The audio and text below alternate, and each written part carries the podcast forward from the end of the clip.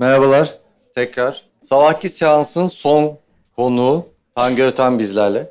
Biz farklı zamanlarda aynı tornalardan geçmiş insanlarız ama onun yönü çok başka taraflara doğru da gitti. Aşçı, ziraat mühendisi, gezgin diyebilirim. Tarımla uğraşıyor. Ee, bir marka var. Onu böyle ikiye ayırıp ikinci bölümde aslında anlatacağım. Antropolog. Başka? İşte Kaldı mı? Dolayısıyla hepsini böyle kendi bünyesinde e, farklı farklı alanlarda e, ortaya koymuş. Türkiye'de başka bir yaptığı işin örneği olmayan bir e, insan. Hoş geldin. Hoş bulduk. Çok teşekkürler Teşekkür geldiğin için. Senin hikaye nasıl başladı? En önce oradan bir küçük seni tanımayanlar için. tamam. Arkadaşlar hoş geldiniz. Şimdi arkadaşlar hepiniz L2 misiniz? L3 var mı burada? Tamam. L3'leri aldınız mı siz de? Sen aldın ya Mama Sultan ya. Hastacı da var aramızda. evet. Bu arada arkadaşlar ben 2015 yılından beri e, Mutfak Sanatları Akademisi'nde yöresel adı altında ders veriyorum L3'leri. Şanslı azınlık. E, umarım ileride mezun olduğunuzda beraber de oluruz. E, sağ ol. Özhan Şef'le bizim geçmişimiz var. Bizim benim buradaki sizin eğitmen şeflerinizden çoğuyla eskiden iş arkadaşıydım aynı zamanda.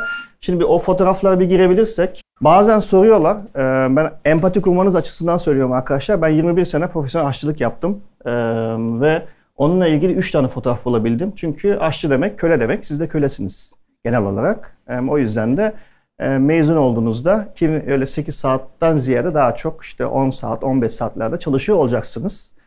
Çünkü Türkiye güzel ama İsviçre değil. Şöyle bir durum var arkadaşlar. Bu benim 2004 yılı. Dün bir şefiniz geldi. Mehmet Gürs biliyorsunuz. O benim 15 yıl patronumdu. Ben ilk İstanbul'a geldiğimde uzun farklı mekanlarda çalıştıktan sonra buna otellerde dahil olmak üzere en son çalıştığım yer ve başlangıç noktamda aslında kendimi geliştirme açısından 2003 yılı burası. Mehmet Gürs'ün Lokanta diye bir lokantası vardı Nüpera binasında. Orada soğuk şefiydim. Bu saçlı halim tabii ki de. E, Yangın merdiveni. burası yangın merdiven. Yani yemek yediğimiz yer arkadaşlar. Ortada duran Kürt İsmail. Ortada duran Kürt İsmail arkadaşlar. Pizzacı ve focaccia şefiydi. Merdivenlerde olmamızın sebebi arkadaşlar dünyanın neresine giderseniz gidin yemek yiyeceğiniz yer genelde buralar oluyor olacak. Bir sonraki fotoğrafı. Bu e, namnamları biliyorsunuz. E, namnamlar eskiden İstanbul Yiyecek İçecek Grubu adı altında Mehmet Kürs'e aitti. E, pandemi zamanında e, yapıyı elinden çıkarttı. Namnamda şef olduğum tek zaman dilimi o zamandı. Soğuk şefiydim Namnam'da arkadaşlar. 2000 2003 yılının ortasından 2004 yılının Ekim ayına kadar oradaydım. Bu da nispeten de saçların olduğu. Sonraki bir fotoğrafı alalım. Bu arkadaşlar sağdaki benim sağımdaki İsa Şef şu anda Mikla'nın su şefi. Yani Adem Usta. Gandalf the White asıl şef. Ondan sonra İsa Usta geliyor. İsa Usta benim tezgah arkadaşımdı. Ee, eğer burayı biliyorsanız Şemsa Denizli'yi biliyor musunuz? Şemsa Şefi. Ben onun da aşçısıydım. Ee, burası da kantin. Eskinin meşhur kantini. 20 sene boyunca İstanbul'un önemli mihenk taşlarından, İstanbul yeme içme kültürünün önemli yapı taşlarından bir tanesiydi. Ve Şemsa Hanım süreç içerisinde 20. sene sonra dükkanı kapatıp Ayvalık'a göçtü. Ayvalık'ta da Cooks Group'u açtı. Benim e, ahçı olduğum dönemler. Yani ben ahçıydım sizler gibi. Ama arkadaşlar e, ben aslen Nazilliyim. E, Almancıyım, gurbetçiyim. Gurbetçi bir ailenin çocuğuyum. Almanya'da doğdum aslında. Ana dilim Türkçe değil, ana dilim Aydın şivesi benim. Çünkü köyde büyüdüm ben. Yörük bir aileye mensubuz. Yani bunu şu açıdan söylüyorum. Yörük aileye mensup olduğunuzda yeme içme kültürünüz çok fazla gelişmiş ve zengin olmuyor. Hani ben öyle işte Girit göçmeni bir ailenin çocuğuyum da böyle yemek yapıyorduk da işte Arnavutluk bizde börek yapıyordu anneannem şu öyle bir şey yok. Biz dımdız gelmişiz Orta Asya'dan, steplerden konmuşuz köye. Ondan sonra öyle de gelişmişiz. Nazil'den çıktım ben. Bunu söylememin sebebi var. Birazdan söylüyor olacağım. Ee, ortaokul yıllarında arkadaşlar zorunluluktan dolayı sizin gibi Aa, ben ahçı olayım işte çok seviyorum yemek yapmasını çok seviyorum da ben mutfağa girmedim. Benim annem babam e, biz ilkokuldayken ayrıldılar. E, biz annemle İzmir'e taşındık. Ekonomi çok iyi değildi bizim ailede. Em, annem çalışıyordu. Ben de mecbur e, mutfağa girdim. O da zaten şey biliyorsunuz bulaşıktan. Eğer İzmir'de olanınız varsa içinizde İzmirli, var mı içinizde? İzmir'de iki çeşmeliği biliyorsunuz. Eski iki çeşmelik eskiden şimdi yıkıldı. Oralar pavyon mekanıydı. E, Mehtap Pavyonum. Çalıştığım yer arkadaşlar. iki sene boyunca e, bulaşık yıkadığım yerde oraları. Patates, soğan. Bunlar hep zorunluluktu. Yani bilinçli bir şekilde ben aşçı olacağım motivasyonuyla girmedim. Para kazanma motivasyonuydu. E, ortaokul, lise, e, lise sonrasında Atatürk Lisesi'ne mezunum ben. Ege Üniversitesi Ziraat Fakültesini kazandım. Bilinçli bir kazanma bu. Ben bunu isteyerek okudum. Herkes gibi üniversiteyi kazanayım da neresi olsa olsun değil. Ziraat mühendisliğini kazandım ve e, birinci sınıf başladı. Çok parlak bir öğrenci değildim. Keza bir yandan da çalışıyordum. Yani aynı sebeplerden ötürü ekonomik olarak arkadaşlar. 12 saat, 15 saat okulda uzadı. Normalde okul 4 sene, fakülte. Ben 5,5 senede bitirdim. Ee, bitirdikten sonra, mezun olduktan sonra İstanbul taşındım. Buraya geldim, ablamın yanına. Ve ablamın yanına geldikten sonra yapacağım pek bir iş de yoktu. Buradaki oteller, kafeler, Nişantaşı, bil, bilinen otel, oralarda çalışmaya başladım. Ee, ikinci şef, üçüncü şef, komi, yani şef derken aşçı bu arada. Hani siz mezun olacaksınız, siz de aşçı olacaksınız, şef olmuyorsunuz. Ee, böyle çalışmaya başladım. Ee, bir yandan da Ege Üniversitesi Ziraat Fakültesi'ne araştırma görevlisi olarak beni kabul ettiler. Hayvan besleme biyokimyasına girecektim ben. Hiç unutmam eski bir şefim var. Defne Koryürek. Siz onu tanımıyorsunuz. Çok yok bu arada. Burada da yaşamıyor zaten. Çok önemli bir restorantı vardı. Refika diye. Mehmet Güz, Şemsa Denizsel, Defne Koryürek bunlar aynı jenerasyon, aynı familyadan gelen insanlar. Onun yanında işe girdim. Çünkü yemek yapmayı süreç içerisinde sevmeye başlamıştım. O dinamiği seviyorum. O akışkanlığı seviyorum. O adrenalini seviyorum ee, ama gün sonunda dönüyorsunuz, yalnız kalıyorsunuz. Ee, müşteriyi görmüyorsunuz. O zaman mutfak alanları böyle açık mutfak alanları yoktu. Mimar başkaydı. İçeridesiniz, oksijen yok, gün ışığı yok. Ee, sosyalleşme sıfır. Bu sizin başınıza gelecek bu arada.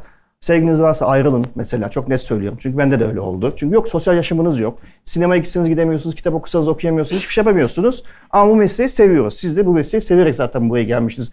Dünyanın paralarını ödemişsiniz. Bu güzel bir şey. E yani bir şey var. There is always hope demiş Gandalf. Yani her zaman umut var. O da o motivasyonla ilerliyorsunuz. Bu süreç içerisinde oydu buydu derken tabii ki ben de gelişiyorum. Yeme içme anlamında en azından yemek yapma pratiği anlamında gelişiyorum. İşte nizam plaslar hazırlanıyor oydu buydu. Sonra gün oldu devran döndü. Ben Mehmet Gürs'ün yanına girdim. Şimdi Mehmet Gürs'le siz dün konuştunuz değil mi? Cemre ve Mehmet ve adamın algısını algılayabildiniz mi? Bilmiyorum. Genelde böyle bakmaz. Böyle bakmaya çalışır. Ben onun yanına aşçı olarak girdiğimde iki ay sonra soğuk şefi yaptılar beni anlamda. Ee, ama benim yurt dışına gitme isteğim vardı devamlı. Yurt dışına gideyim bir şey okuyayım, gideyim bir şey okuyayım diye. Ama şey değildi. Sizin okuduğunuz okul değil yani Cuisine Art veya Culinary Arts diye bir şey değil. Yani Johnson Wales değil veya CIA değil, Culinary Institute of America değil. Yani öyle okullar, Logodon Blue değil. Böyle okullar aramıyordum ben o zaman. O zaman MSA da yoktu. 2005 yılını kurdu eğer yanlış hatırlamıyorsam.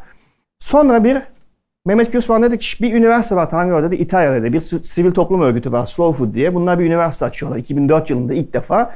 Gastronomi Bilimleri Üniversitesi The University of Gastronomic Science of Pollenzo. İtalya'nın kuzeyinde Torino'nun hemen doğusunda 40 dakika bir kasabada dünyanın şu anda da hala öyle ilk ve tek açılan sadece gastronomi adı altında açılmış üniversitesi. Türkiye'de ki gastronomi bölümleri bir üniversitenin çatısı altında bir enstitünün altında açılıyor genelde işte. Sosyal Bilimler Enstitüsü, Turizm ve Otelcilik, işte gastronomi bölümü diye. Bu başlı başına bir üniversite. Mehmet Güsman dedi ki, ya Tangör dedi, şöyle bir okul var. Ha dedim, işte dedi şey yap, yani başvursana dedi. Bu arada, bu gördüğünüz demin ilk gördüğünüz, benim saçlı olan fotoğrafım biliyorsunuz. Ben orada e, Mehmet Gülsün bir konsepti vardı. Ufak yemekler diye. Sen hatırlarsın belki abi ufak yemekleri. Böyle bir bar alanı var. Açık böyle bir mutfak. İlk açık mutfak hayatını ben orada gördüm zaten. Nefes alıyorsun, güneş batıyor falan. Arada işte rakı yapıştırıyorum falan. Ona ne güzel İstanbul'un manzarası güzel diye. Haliç manzaralı. Haliç manzaralı. Nizam Plus hazırlıyorum böyle. Ondan sonra ter akıptırı bir taraflarımda. Artık demeyeyim gayet aşinasınız neresi olduğunu. Bir yandan mal yetiştirmeye çalışıyorum. Bir yandan ürün yetiştirmeye çalışıyorum. Şunu demişti. Tanrı dedi al bak dedi bu para senin dedi. Sen bunu al. Git dedi balık pazarında ne istiyorsan al menüyü kendin yap. İyi dedim ben de. Ben de bildiğim şeyi yaptım. Nazilli yemeğini. Çünkü ben oralıyım. Orayı biliyorum. Büyük Menderes Havzası, Nazilli, Kuşadası, İzmir, İzmir çevresi, Tire, Ödemiş, Bayındır. Ben o yemekleri biliyorum. O insanın dilini biliyorum. O tohumu biliyorum. O yemek kültürüne çok aşinayım. Toprakta ne çıkıyor, çıkan e, ürünle nasıl yemekler yapılıyor, hangi teknikle, hangi ekipmanla onu biliyorum. Ben de onu yapmaya başladım. Şu anda çok şey o, trend topik oldu. Mediterranean, Levantin style. yemekler oldu. Anneannemin yemeğini yapıyorum gün sonunda. Sonra böyle bir zaman geçti. Artık böyle Haziran aylarındayız. Mehmet Gürs geldi. Tanrı'da bir okul var dedi. Git dedi ona başvur dedi. Ben de diyorum ki abi diyorum ne başvuracağım? Abi demiyorum da tabii. Mehmet Bey diyorum ya saçmalama işte maaşım da yerinde. 1300 lira maaş alıyordum. Şunu unutmuyorum. Maaşım da yerinde. Yok ya diyorum kasmayayım ben diyorum. iyiyim. Çünkü Ege'liyim ya. Egeli kasmaz. Yani siz de daha iyi biliyorsunuz. Egeli böyle şey sakin mizaçlı. Ondan sonra aha falan dedim. Oydu buydu. En sonunda zorla şey yaptı. Başvuru bana okulu. Başvurdum. iki hafta sonra telefon geliyor okulda İtalya'dan. Onlar da bir alem. İşte Mr. Tan evet benim. İşte okula kabul edildiniz. Aa çok güzel diyorum. O sırada ben Nizam Plus yetiştirmeye çalışıyorum. Yani hayat dinamiğini en azından görün. Çünkü sizin de başınıza gelecek. Oydu buydu. Ulan dedim ana satayım dedim yani gideceğiz de okul paralı. Özel okul 25 bin euro. O zaman 1 euro 1 TL 1.3'tü. Şimdi ne olduğunu biliyorsunuz. Yani bunlar da geleceğiz birazdan. Baktım olmadı. Dedim ki ya dedim ben param yok. Benim annem emekli işçi, babam emekli işçi, babam araba tamircisi, annem Almanya'da temizlikçiydi. Ondan sonra e, burada da aşçılık yaptı döndüğünde. Hastanede İzmir'de. Dedim paramız yok. Bunlar diyor ki bizim bursumuz var. İyi dedim bursa başvurdum. Bursa başvurdum. Ama burslar böyle kademe kademe ben 25 bin euroluk bursa başvurdum. Çünkü yok ki para yok zaten yani. İki hafta sonra bir tane kod numarası verdiler. Ben onun topağında oturuyorum ablamla. O zaman tabii böyle telefon yok. internet kafeler var. Gittim öyle mal topu gibi internet kafe ablamla beraber. Bakıyoruz böyle tık tık laps diye çıktı. En başta 25 bin euroyu almışım. Sonra babam aradı. Baba dedi bir haberler yok burada. Kendi bir de ikinci annem vardı. Annem dedi ki oğlum ben biliyordum senin bir yerlere gideceğini dedi. Dedim sağ ol anne falan. Neyse oydu buydu. Paramızın olmadığını, paranızın olmadığını, evinizin, yatınızın, katınızın olmadığını prove ediyorsunuz. Yani kanıtlıyorsunuz. İşte noter falan, apostil alınıyor bilmem ne. Konsolosluğa gidiyorsunuz. Damgalar vuruluyor. Tamam galiba ben gidiyorum şeye İtalya. Taşınıyorum. Ve 2004 yılının 4 Ekim'inde ben İtalya'ya taşındım. Bayağı İtalya'ya taşındım. Ama bursluyum. Ee, babam bir para verdi. Hiç unutmuyorum. 5000 euro. O 5000 euro ile 3-4 sene boyunca 104 euro benim istikakım var. Yani 104 euro ile yaptın yaptın. Tuvalet kağıdını 104 euro ile alacaksın. Sabunu da 104 euro karnını doyuracaksın. Bu şu anlama geliyor. SSK iş bulmak zorundasın. Nasıl iş bulabiliyorsunuz? Altın bilezik, aşçısın. Çok kolay iş buluyorsun aşçı olduğunda. Veya doktorsan çok kolay iş buluyorsun. Neyse gittim İtalya'ya ve İtalya'da 4 sene boyunca arkadaşlar gastronomi okudum. Ve ikinci lisansımı alıp geri döndüm. Şimdi döndüğümde yaptığım şuydu. Ne yapacağız? İşte ablam benim akademisyen. Ablam dedi ki ya Tanrı'da doktora gir dedi. La doktora girip ben ne yapacağım yani ben akademisyen kafası yok bende. İyi abla dedim gireyim dedim doktora girdim. Annem deyip duruyor işte oğlum evlenmeyeceğim sen bilmem ne oku oku nereye kadar ondan sonra oydu buydu. Neyse girdik doktoraya. Doktoraya girdiğim an aynı zamanda Şemsa Hanım restoranına girdim. Şemsa Hanım çok eskiden tanıyorum dedi ki Tanrı dedi senin ekmeğin iyi. Ben aslında ekmekçiyim, hamurcuyum, ekmekçiyim. Sen ben dedi dükkanı büyütüyorum, odun fırın alıyorum. Gel sen dedi benimle ekşi maya ekmek yap dedi. Ben bir düşündüm ne kadar vereceğim? Şu kadar para. Tamam dedim. Geleyim dedim. Doktoradan çıkıyordum. Sabah derse gidiyorum. Kayıştan Yeditepe Üniversitesi. Saat 3'te çıkıyorum dersten. Otobüse biniyorum. Çift katlı otobüs. Direkt Mecidiyeköy şeye geliyor. Osman Bey'e geliyor. Orada iniyorum. Oradan doktor şeye gidiyorum. Şemsi Hanım'a gidiyorum. Dükkan 8'de kapanıyordu. İçkisiz bir dükkan. Alkolsüz bir dükkan. 8'de kapanıyor. Saat 6'da bir başlıyorum ben. Gece 3'e kadar ekmek yapıyorum. Ekmek yavaş yavaş unlu mamullerine döndü. Ondan sonra bir baktım ben 2 ay sonra Nizam Plus'ı çakmaya başladılar bana. Bayram Usta. Siz Bayram Usta'yı nereden biliyorsunuz? Pandelli'yi biliyor musunuz? Pandelli restorantını bilmeyenler mutlak surette bilmek zorunda. Bana ben bilmiyorum deyip gelmeyin. İstanbul'u İstanbul yapan önemli mekanlardan bir tanesi. Mısır Çarşısı'nda. Oraya gittiğinizde Bayram Usta var orada. Benim de ustamda. Ve gidin selam söyleyin. Kendinizi tanıtın. Çok verici bir insandı. Bayram Usta benim ustamdı. Bir baktı ben iyi bir aşçı mıyım onu ben bilemem. O benimle ilgili bir şey değil. O sizle ilgili. Ben yapacağım siz yiyeceksiniz. Ama elim çok hızlıydı. Yani Nizam Plus'ın solar mı ya? Böyle yağdırıyordum ya. O demin gördüğünüz fotoğrafta. Her gün 15 kilo soğanlar doğranıyordu öyle. Sıçan dişi soklu, işte veleviydi, bokuydu, püsüydü böyle. Böyleyiz yani. Yağdırıyorum mutfakta. Ekmeği de yapıyorum, soğan da yapıyorum, Nizam Plus'ta çıkartıyorum. Herkes mutlu. Ta ki dün gelen Mehmet Gürs telefon etti. Ne yapıyorsun? Dedim böyle böyle. Sen dedi bir gelsene bir buluşalım dedi. Geldik ve buluştuk. Ve bana bir iş teklif etti. O iş de şuydu arkadaşlar. Şimdi antropolojide doktora yapıyorum. Yeditepe Üniversitesi. Ziraat mühendisiyim aslında. Ürünü çok iyi biliyorum. Ürünü biliyorum. Yani en azından teorisini biliyorum. Pratik başka bir şey. Bir de gastronomi okumuşum. Yani tabaktan, topraktan tabağa gelen bütün süreci biliyorum. Sosyal bilimler, fen bilimler. Biliyorum derken öğretildiği kadar biliyorum. Bir de merak ettiğim kadar biliyorum bu arada. Dedi ki ben sana dedi bir işte araba vereceğim. Sen şirkete geri gel. Ondan sonra ben bana dedi iyi ürün lazım. Mikle restoran için iyi ve lezzetli ürün lazım. Onun motivasyonu bu. Tamam dedim ben ne yapacağım? İşte sen dedi git dedi bul dedi. Ulan dedim ana satayım nereden bulayım? Ya eşek kadar ülke. 774.813 metrekarelik bir kilometre karelik bir ülkeden bahsediyoruz. Yani kuzey, güney, doğu, batı birbirinden farklı. Yani Çanakkale'den yola çıkıyorsunuz. Yani Kars'a varıyorsunuz 17-18 saat arabayla. Sakın öyle bir şey yapmayın. Uçak var. Uçağa binin gidin. Ben sonradan keşfettim uçağı. Ama tabii ki bütün ülkenin yeme içme kültürünün araştırmacısı olmaya başladım. Yaklaşık son 13 yılda. 2009 yılında başladık.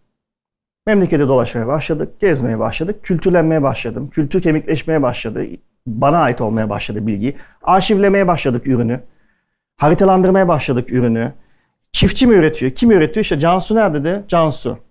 Cansu domatesçi mesela. Domates üretiyor. Cansu nerede yaşıyor? Nasıl yaşıyor? Kimle üretiyor? Evli mi? Baklı mı? Çoluğu var mı? Çocuğu var mı? Hangi toprakta yetiştiriyor?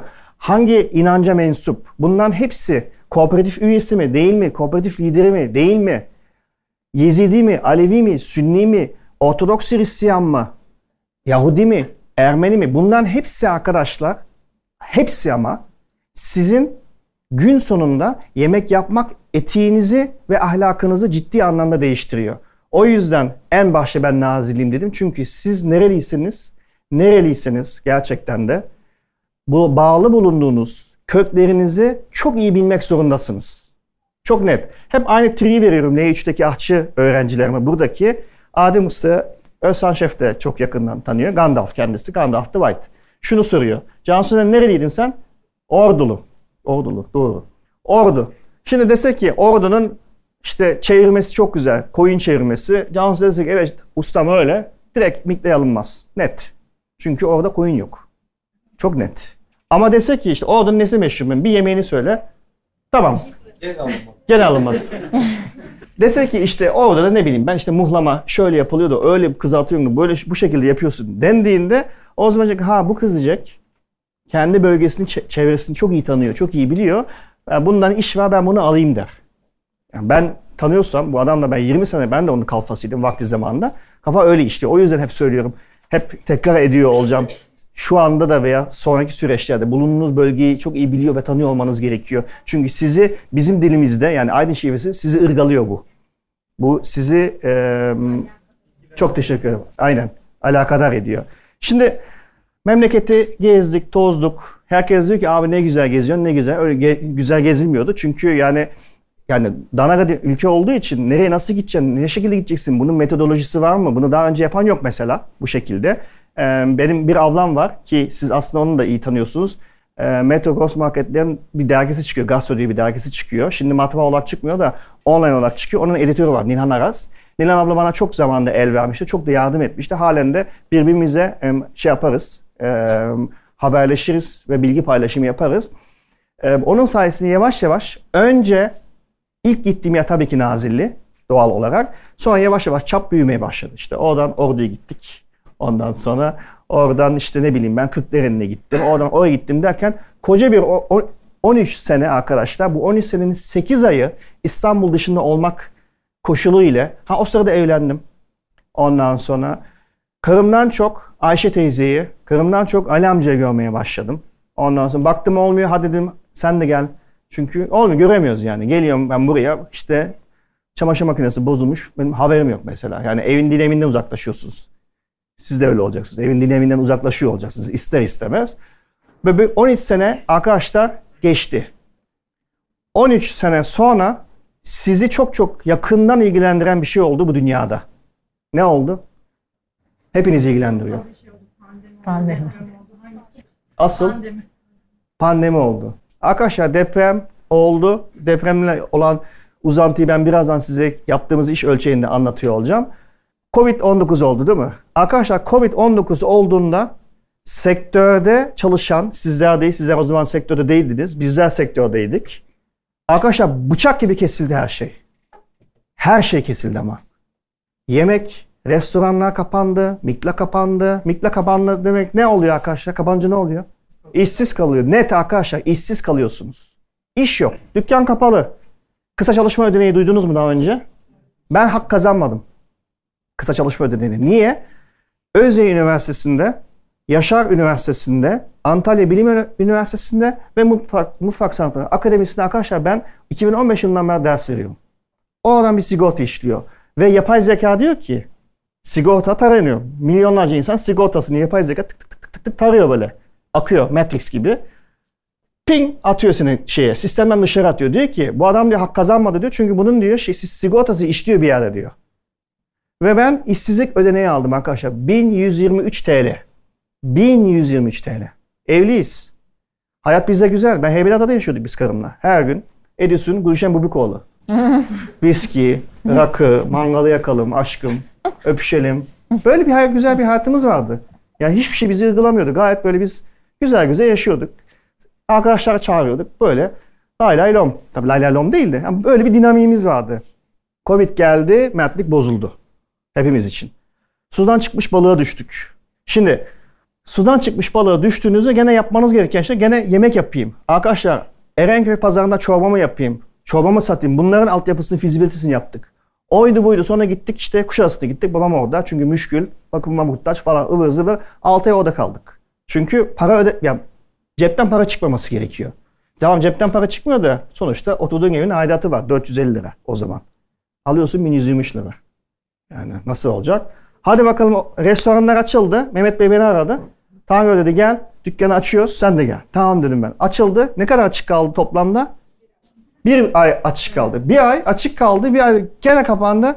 Dedik yani de, demedim. Dedim yani has siktirdim ne yapacağım şimdi ben. De, hanım dedi ki abi de devreye gidelim. Onlar aile anne baba iş dolayısıyla yani sorumluluk dolayısıyla devreye gitmişler. 30 yıldır oradalar. Hadi bakalım oraya gittim. Arkadaşlar Devrek'te Türkiye'nin çok önemli kooperatiflerinden bir tanesi var. Devrek Tarımsal Kalkınma Kooperatifi. Saniye abla da lideri. Ee, kooperatifin açıldığı günü bilirim. Ve biz kooperatiften hem mikle olarak hem de namlamlar zincir olarak arkadaşlar mal alıyorduk. Mal demek hoş değil bu arada ürün alıyorduk. Tarhana, mikle tarhana alıyor. Namlamlar da erişte alıyor. İş yok, güç yok ama altın bilezik ya. Kooperatif üretmeye devam etmek zorunda. Çünkü bir talep var. Covid var çünkü. Girdim kooperatife. Dedim ki abla dedim ben para istemiyorum. Siz bana bir iş verin ben iş yapayım. Artık erişte mi kesilecek? O mu yapılacak? Benim yoksa kafa gidiyor. Yani çünkü artık birinci sene sonunda 1123 lirayla artık kafa gitmeye başladı. Ondan sonra tamam dedi gel. İşte orada arge yapmaya başladım. İşte ekşi maya ekmekler, ekşi maya barlar, ekşi maya e, şeyler. Bu şekerle susamı kavurup neydi? Krokan ha krokan. O tarz işte böyle krokanlar falan filan yapmaya başladım onlar için. Onlar işte paketlemesini düşünmeye başladık. Öyle mi yapalım, böyle mi yapalım? Ondan sonra vizyonları çok geniş insanlar onlar. Sağ olsunlar çok destek oldular bana o, o dönemde. En azından mental olarak çok destek oldular. Ha ondan sonra dükkanlar açılacak. Yani öyle haberler gelip duruyor. Bizimki, bizimki de karım diyor ki abi dedi, biz dedi kasmayalım İstanbul'u. Çünkü beceremiyoruz. Yani ekonomik olarak olmuyor. Ben gittim şeye Mehmet Gülsün yanına. Bak dün burada oturuyordu. Cemre de Cemre'yi de tanıyorum tabii. Çok da sevdiğim bir arkadaşım Cemre de. Ee, dedim ya Mehmet Bey ben size bir konuşacağım dedim. O hemen anladı. O hemen laps diye anladı. Dedim bir buluşalım mı? Tamam nerede? İşte Bebek Parkı'nda. Mehmet, Mehmet Bey beni Bebek Parkı'nda işe almıştı ya. O da teklif etmişti. böyle geldik. Tabii romantik oldu. Böyle geldik. Oturdum böyle. Sümsük gibi. Bakın birbirimizin yüzüne bakmıyoruz böyle. Ya dedim Mehmet Bey dedim. Efendim canım dedi. Ben şey yapayım dedim ya. Ne yapacaksın dedi. Ya gideyim ben dedim. Böyle bakıyor. Ya dedi hangi gitme ya dedi. İşte istifa edeceğim ben dedim. Ya olmuyor dedim. Şey mi yapsak dedi ya. Yani part-time mi geçsen dedi. La dedim part-time geçsen ne olacak ki? 10 bin lira maaş alır 5 bin lira. Yine ekonomi dönmeyecek. Yani başka işler bulmam gerekiyor filan. Ondan sonra kasmam gerekiyor bir yandan da. Ya ben gideyim dedim. Kalktım gittim. Ben ağlıyorum. O da ağlıyor. Biz böyle ayrıldık. Sonra tabii biz taşındık maşındık ondan sonra iki ay sonra Cemre ile sağ olsunlar geldiler e, Seferihisar'a. Ki Özhan şefiniz de gelmişti bize. Yani in the middle of nowhere bir yerde yaşıyoruz biz bu arada. Dağın tepesinde bir köy ama köy desen yani Avenna. Neyse elimizde bir liste. Eşim çıkartmış 6 tane ev. Abi işte evler bunlar. Ben o sırada çocukluk arkadaşım Oğuz diye bir arkadaşım var ve onun karısı var Ezgi Nazil'de. Kendileri incir tüccarı. Ege'nin önemli incir tüccarlarından bir tanesi. Ee, onun babası benim babamın çocukluk arkadaşı. Dedeler çocukluk arkadaşı. Biz de Oğuz'la çocukluk arkadaşıyız. Oğuz diyor ki abi işte yöresel ürün işine girelim. İşte Büyük Menderes Havzası. Yöresel ürün işleyeceğiz satacağız galiba bu. Tamam dedim abi yapalım. Çünkü yapacak bir iş yok. Yani yapacak bir işim yok bu arada. Öyle yapalım mı böyle yapalım. Ona girdik. Sonra hanım dedi ki abi de biz dedi, taşınalım. Hem dedi sen dedi Nazil'e yakın ol. Ben Nazil taşınmak da istemiyorum bir yandan da. Şunu yaptık. Seferihisar'da eski Orhanlı diye bir köy var. O köye taşındık. Dağın tepesinde. O kadar insan yok ki camiye kapatmışlar. Bakın o kadar insan yok ya. Camiyi kapatmışlar. Cami atıl. Yani bir hoparlör koymuşlar. Ezan oradan çıkıyor. İki kişi var. Köyde inançlı. Biri ben. Biri de aşağıda Hüseyin var. O kadar yani. Ama biz de camiye de gitmiyoruz bu arada. Bu kadar. Bitti yani. Sistem burada kapandı. Şey diyorum ya hocaya. Hocam diyorum ya bari kapatın da hani çok fazla bağırıyor çünkü abi diyorum. Oraya taşındık. Ben oradan her Allah'ın günü yaklaşık tam iki saat arkadaşlar istisnasız her gün ama. Nazil'e gidip geliyorum. Gidip geliyorum. Babama gidiyorum. Nazil'e gidiyorum, dönüyorum. Böyle bir sistem kurmaya başladık. O sistemin sonunda şu var ama. Bu iş yöresel ürün işi. Tarhana yapıyoruz. Domates yapıyoruz. Domates sos yapıyoruz. Nappa pizzaları biliyor musunuz? Ben veriyorum o domates sosu. Ben Yaşar Usta. ben yapıyorum, ben veriyorum. Yani gururla. Yani tabii ki ister istemez sektörde çok ciddi bir network'ümüz oluşmaya başladı. İşte Özhan Şef'in dükkanı var. İşte diyor ki Tangöl'de bilmem neyi nereden alacağız diyor. Senden olur. Nasıl olsa diyor. Sen diyor zaten diyor hani kötü bir şey yapmazsın diyor. Lezzetli yaparsın diyor. Çünkü altyapı bunu yapmaya izin veriyor. Ziraat gastronomi. Ha bu arada geçen sene açık öğretim fakültesi aşçılıktan mezun oldum. Üç tane diploma bu arada. Ama hiç mutfağa girmedim aşçılık. Okuduk da hiç mutfağa sokmadılar. Sonuçta açık öğretim. Niye sokacaklar ki? Yok öyle bir altyapı. Neyse o işe başladık. Ondan sonra benim sevdiğim bir arkadaşım var. Ee, kardeşim var daha doğrusu. Ee, o gastronomi öğrencisi son sınıfta. Şu arkada gördüğünüz işi yapıyor. Ve acı sos üretiyor. En soldaki 2020. Şimdi bana soruyorlar abi sen ne iş yapıyorsun? Necisin? Ben acı sos üretiyorum. İki tane arkadaşımla Özlem, Suzi. Suzi sizden mezun. MSA'lı. Sığırcık'ta yaşıyor. Geliyor gidiyor, biber çekiyor, yardım ediyor, etiket yapıştırıyor. En sonunda satış pazarlama müdürü oldu. Departmanı yeni kurduk bu arada. Bana gel ilk işe aldık. Şimdi alın ya işe aldık derken gel çalış. Ha olur mu olmaz mı? Ara, bir de ben onu alıp geçiyorum sabahları. Sonra bırakıyorum eve. Diyor ki abi ne yapacağım diyor. Hiçbir fikrim yok. Çünkü ben satış pazarlamacı değilim ya. Ama bir departman kurmuşuz. Yapacak işte bir şey. İşte hep beraber inanıyoruz. Hani, inancımız var. Özlem de canım benim. Özlem'le Suzi beraberler. Özlem daha eski. Bir buçuk sene oldu mu Özlem? Bir sene Özlem oldu. işte brand managing, sosyal medya, bütün bu işleri kotarıyor. Ee, o öyle Instagram'a girelim, iki fotoğraf çekelim, şöyle koyalım. Öyle bir dünya değil bu. Başka bir dünya. Profesyonel olması gerekiyor. Onun işte Özlem mesela bize bir arkadaş vasıtasıyla ben dedi hani ihtiyacınız var mı dedi. Ben de yok dedim. Ne ihtiyacımız yok dedim. Ondan sonra meğersem varmış ihtiyacımız. Sonra Özlem hadi gel sen part time çalış dedim. Part time çalışıyor. Halen part time de full time gibi maşallah çalışıyor. Ondan sonra eski patronu Mehtap Hanım o da oturuyor. Sonra neler neler. Yakında yani bir kardeş olmadığımız ortaya. O yakında onu keşfedeceğiz bir şekilde. Böyle dostlar falan filan. Şimdi biz ilk yani ilk bu işe başlandığında bir arkadaşımız var bizim. Can isimli bir arkadaşımız. 2020'deki sosları çantasına koyuyor. Sırt çantasını İstanbul'a geliyor. Bende kalıyor. Bizde kalıyor. Ve diyor ki Tanger abi diyor ben diyor acı sos yapıyorum. Benim bir yatırımcı abim var diyor. Şimdi oraya geleceğim. Asıl konu o bir yandan da. Ee, şey bunun gideri var mı diyor bana soruyor.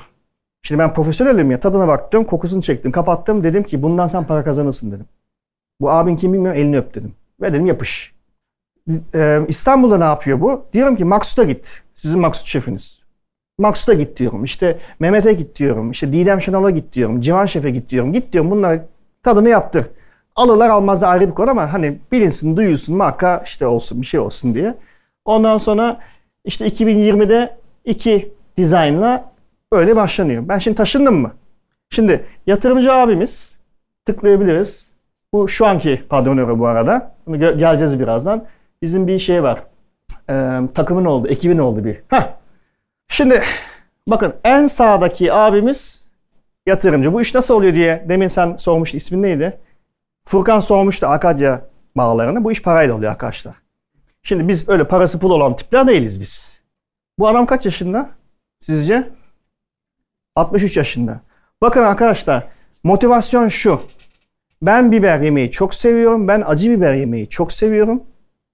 Yurt dışında padron biberi yiyorum. Tapas. Madrid, Barcelona, İspanya. Tapas, padron.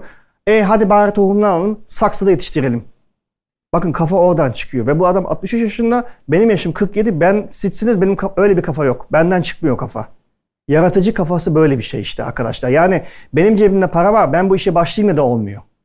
Trik bir bir şey bulmanız lazım. Trik. Şimdi mesela Erhan abi bana zaman tanıştık. Sonra dedi ki ben dedi şirket kuracağım. Sen de bunun bir parçası ol. Ortak olalım. Kendisi hiç abartmıyorum. Zeytinyağcı olsaydı, zeytinyağı üreticisi, şarap üreticisi olsaydı, rakı üreticisi olsaydı, ne bileyim ben domates sos üreticisi olsaydı cevaplarım hep belliydi. Hayır abi ben o işe girmem. Yapan var zaten. Daha ne kadar iyi yapabilirsin? Zaten yapılıyor. Binlerce yıldır yapılıyor.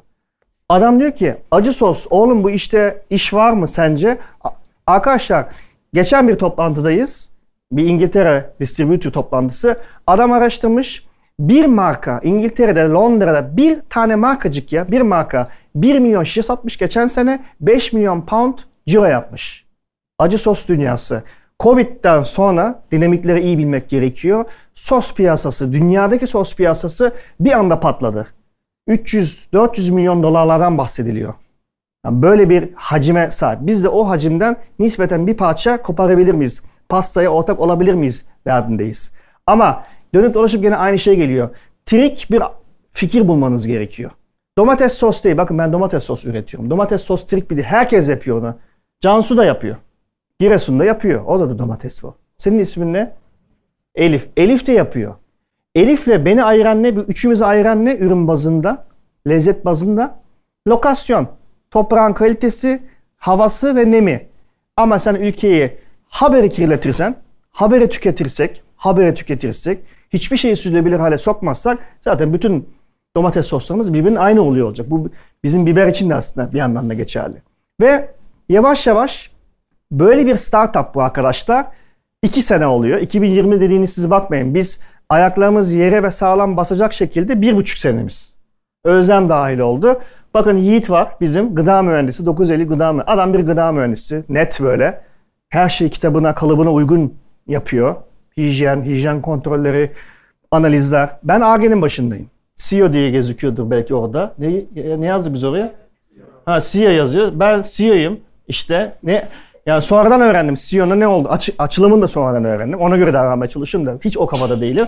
ARGE'yim ama. Evet ARGE'yim. Soslar burada. Bütün sosların ARGE, bütün sosları buluyorum, yapıyorum, ediyorum, içeriğini hazırlıyorum, reçetesini hazırlıyorum. Arkadaşlar sizin başınıza gelecek. Büyük firmalarda yüksek ihtimalle belki ARGE şefi olacaksınız. Arkadaşlar yaptığım sosu kağıt bazında 250 gramdan yaptığım sosu siz gıda mühendisine verdiğinizde o gıda mühendisi onu tonaj bazında üretiyor.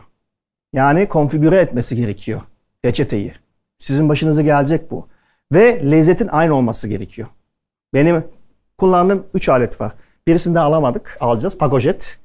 Suvit'i daha yeni aldık. İşte 5000 lira Zivling. Hatta sizlere sordum. İşte Sergin Şef'e sordum. Dedi ki abi Zivling al. Biz de kullanıyoruz. Dedi tamam dedim. Aldım. Biri Suvit. Ötekisi zaten Thermomix. Olmazsa olmaz. Artık Thermomix'in yoksa dövüyorlar. Yani çünkü uzaya fırlatıyor Thermomix her şeyi. Uydu gibi bir şey o. Baston fırt fırt fırt dönüyor. Tadına bakıyoruz. Aa olmuş mu? Sonra kazanla pişirmeye başlıyoruz. Kazanla pişiyor 45. dakikadan sonra. Tadına bakıyoruz. Okey ise paketliyoruz.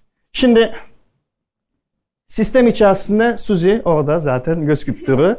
Ee, muhasebecimiz Ülke abla. Ülke ablayla Erhan abi ortaokuldan beri yanlış hatırlamıyorsam Darüşşafaka'dan, Darüşşafakalılar ikisi de dönem arkadaşlar arkadaşlar. Yani nereden baksanız bir 50 yıllık bir dostlukları mevcut ki bu çok çok önemli. Sistemi Erhan abi kurduğunda her işin uzmanını oraya oturtturduğunda sistemi artık yavaş yavaş dönmeye başlıyor üretim bazında. Şimdi Bir sonraki fotoğrafa gelirsek, o gelelim bakın seraya. Burası bir sera anladınız zaten. Serada üretim yapılıyor. Bu arada kullandığımız biberler aç. Bu geçen sene Sami abinin serası bu. Bize geleceğiz oraya. Ürettiğimiz biberler arkadaşlar. Buraya geçin. Ürettiğimiz biberler. Chocolate Ghost, Red Habanero, Red Apocalypse, Red Ghost, Big Mustard Mama, Peach, Moruga Scorpion. Bu biberlerin arkadaşlar hiçbiri bu topraklara özgü biberler değil. Anladınız zaten adları üzerinde. Zaten biber nereden geliyor? Orijin olarak. Cansu, bir Mama Sultan siz biliyorsunuz galiba. Ders aldınız siz ya. Sizin biliyor olmanız lazım. Bravo. Güney Amerika. Domates, atalık tohum. Pazar gidiyoruz. O kızım bu atalık tohum. Yalan. Güney Amerika'dan geliyor. Patates, fasulye, patlıcan, balkabağı, zucchini ve biber. Antep biberi, Hatay Samandağ biberi, Nazilli cin biberi, Yeni Pazar acı biberi, Denizli kale biberi. Bakın coğrafi işaretleri almıştır kale biberi. Nereden geliyor? Oradan. Yani o zaman işte şeyi hep sorgulamak gerekiyor arada bir. Atalık tohum nedir ne değildir. Biz bunları üretiyoruz. Kendimiz üretiyoruz ve arkadaşlar o deminki ekip yapısı içerisinde çiftçi olan kişi 63 yaşında sabahın her günü saat 5'te kalkıp seraya gidip hiç abartmıyorum. Yani kaç kere şahit olduk. O saksıda veya toprak havuzda bitkiye bakan Eren abi. Ben zaten 5'te kalksam gider sabah namazı kılardım. Kalkmadığıma göre bitkiye de kalkmıyorum. Siz sakın böyle düşünmeyin. Çünkü bu inovasyonu sıfırlıyor. Hırs, kararlılık, inanç böyle oluyor arkadaşlar. Siz de böyle olmak zorundasınız. 63 yaşında bir adam bunu yapabiliyorsa, yapıyorsa o kararlılıkla siz yaş olarak, jenerasyon olarak çok daha iyisini yapmak zorundasınız. 2 kere 2 4. Aa ben çok yoruldum. Bacaklarım ağrıyıp duruyor. Gideyim iki sigara içeyim. Dur ya iş bitti. Bir, bir bira çakalım. Öyle böyle bir dünya yok. Özellikle sizin işinizde, sizin mesleğinizde. Her sabah kalkıyor. 5-5.30 içerisinde seraya giriyor. Teker teker 4800 kök var diye hatırlıyorum ben. Doğru hatırlıyorsam. Arkadaşlar 4800 kök, 4800 saksı demek. 8 dönüm kapalı alan, sera, yarı açık sera arkadaşlar. Saat 8'lere 9'lara kadar yok damlama sulamasıydı, yok bilmem nesiydi, yok o suydu, yok alttan seyretme yapak seyretme, yok üstten yapak seyretme. Arkadaşlar bu deli işi. Çiftçilik Türkiye'de deli işi. Ve özellikle bu şekilde sistematik yapmaya çalışıyorsanız. Ve Türkiye'nin tarımı çok ciddi anlamda 1950'li 60'lı yıllardan beri degrede olmaya başladı. Son 20'de senesinde ve son 5 senede booming yaptı. Yani uç noktasına geçti. Bu biberleri üretiyoruz. Ondan sonra kendimiz üretiyoruz. Kendi mevsiminde üretiliyor. Tabii ki sera bize bir konfor alanı sağlıyor. Ama sera üretiminde bir yandan öğrenmeye de başlıyoruz. İşte üstü açık mı olacak, yanları mı açık olacak? Toprağın heterojenliği veya karışımı nasıl olması gerekiyor? Çünkü her toprakta biber yetişmiyor. Belli iklim isteği var. Biber dediğiniz ürün arkadaşlar tropikal iklime mensup bir canlı türü. O yüzden de bizim orada işte bu yaz biz çok ciddi patladık. 52 derecelere gördük. İklim krizi deniyor ya. İklim krizinin ben biz baş görüyoruz. 52 derecede biber yetişmiyor. Biber işte yaprağını kapattı, kendini savunmaya aldı. Su versen hayır diyor. Gübre versen umurunda bile değil diyor. İklimi bekliyor, ısıyı bekliyor. Şimdi yavaş yavaş hani hafta açık soğuya koydu gari de şey almaya başladı. Böyle kendini bir salmaya başladı. Çiçeklenmeye başladı. Çiçekten artık yavaş yavaş meyveye dönecek. Direkt ürettiğimiz kendi ürünümüzü Burada mesela iki tane single origin biber var arkadaşlar. Birisi chocolate ghost, zebillak gibi acı tadım yapacaksınız. Birazdan sizin önünüze gelecek. Bunu çok böyle ehemmiyetle tüketin. Şöyle yapın hatta. Çünkü bunun acısı çok fazla. Midede aslında yakıyor. Arkadaşlar her acının bir çıkışı da var. Bunu unutmayın. Bunun çıkışı çok böyle değil. Bu sıkıntılı ben bana göre en azından. Bu red habanero biberi. Siz bunun empatisini piyasadaki tabasco ile her masadaki o cam şişede buluyorsunuz. Şimdi geliyoruz Bizim alameti falkalarımız nispeten Moruga Verde, işte Peach Bomb, bu ne? Köfte o, bu ne? Chinatown, biraz onun resimler de gelecek. Bunlar bizim reçetelendirdiğimiz soslar. Reçetelendirme kafasını nereden öğreniyoruz? İşte siz derste öğreniyorsunuz. Özcan Şef size anlatıyor. O birikiyor, birikiyor, birikiyor. 10 yıllar geçiyor. Ondan sonra lapseki gibi yapmaya başlıyorsunuz. Sosu. Bu ne? Bu şey mi? Atla devre değil. Ben sen de yaparsın istesen. Yani kassan nitelikli bir biberiniz olsa siz de yaparsınız. Bunun bu değil. Bunun base'inde base'inde Antep acı biberi var. Islahiye biberi var. Neden ıslahiye biberi kullanıyoruz? Çünkü dünya Antepli var mı aranızda? Tamam, onu bir şey yapalım. Mısır'a şey sonra bir konuşacağız çünkü bir olayımız var. Şimdi aroma profili olarak Antep biberi bizim aradığımız nitelikte en uygun biber. Beyzini o oluşturuyor. Bunun içerisinde mesela kuru incir var, tütsülenmiş elma var. Elmayı tütsülüyoruz bir yandan da. Ama elimizden geldiği kadar her ürünü mevsiminde alıp kullanmaya çalışıyoruz. Deniyor ya işte mevsiminde her şey mevsiminde güzel, her şey mevsim. Aha vallahi de öyle. Şimdi Murugaver'de bunun içerisinde gümüldür, özdere, mandalinasının suyuyla bir de ot vardı. Lavanta, Lavanta otu var, karabaş otu, Ka- şey şeyin karaburun. Şimdi oğlana edinmeye çalışıyoruz. Kendi bölgemizden. Niye?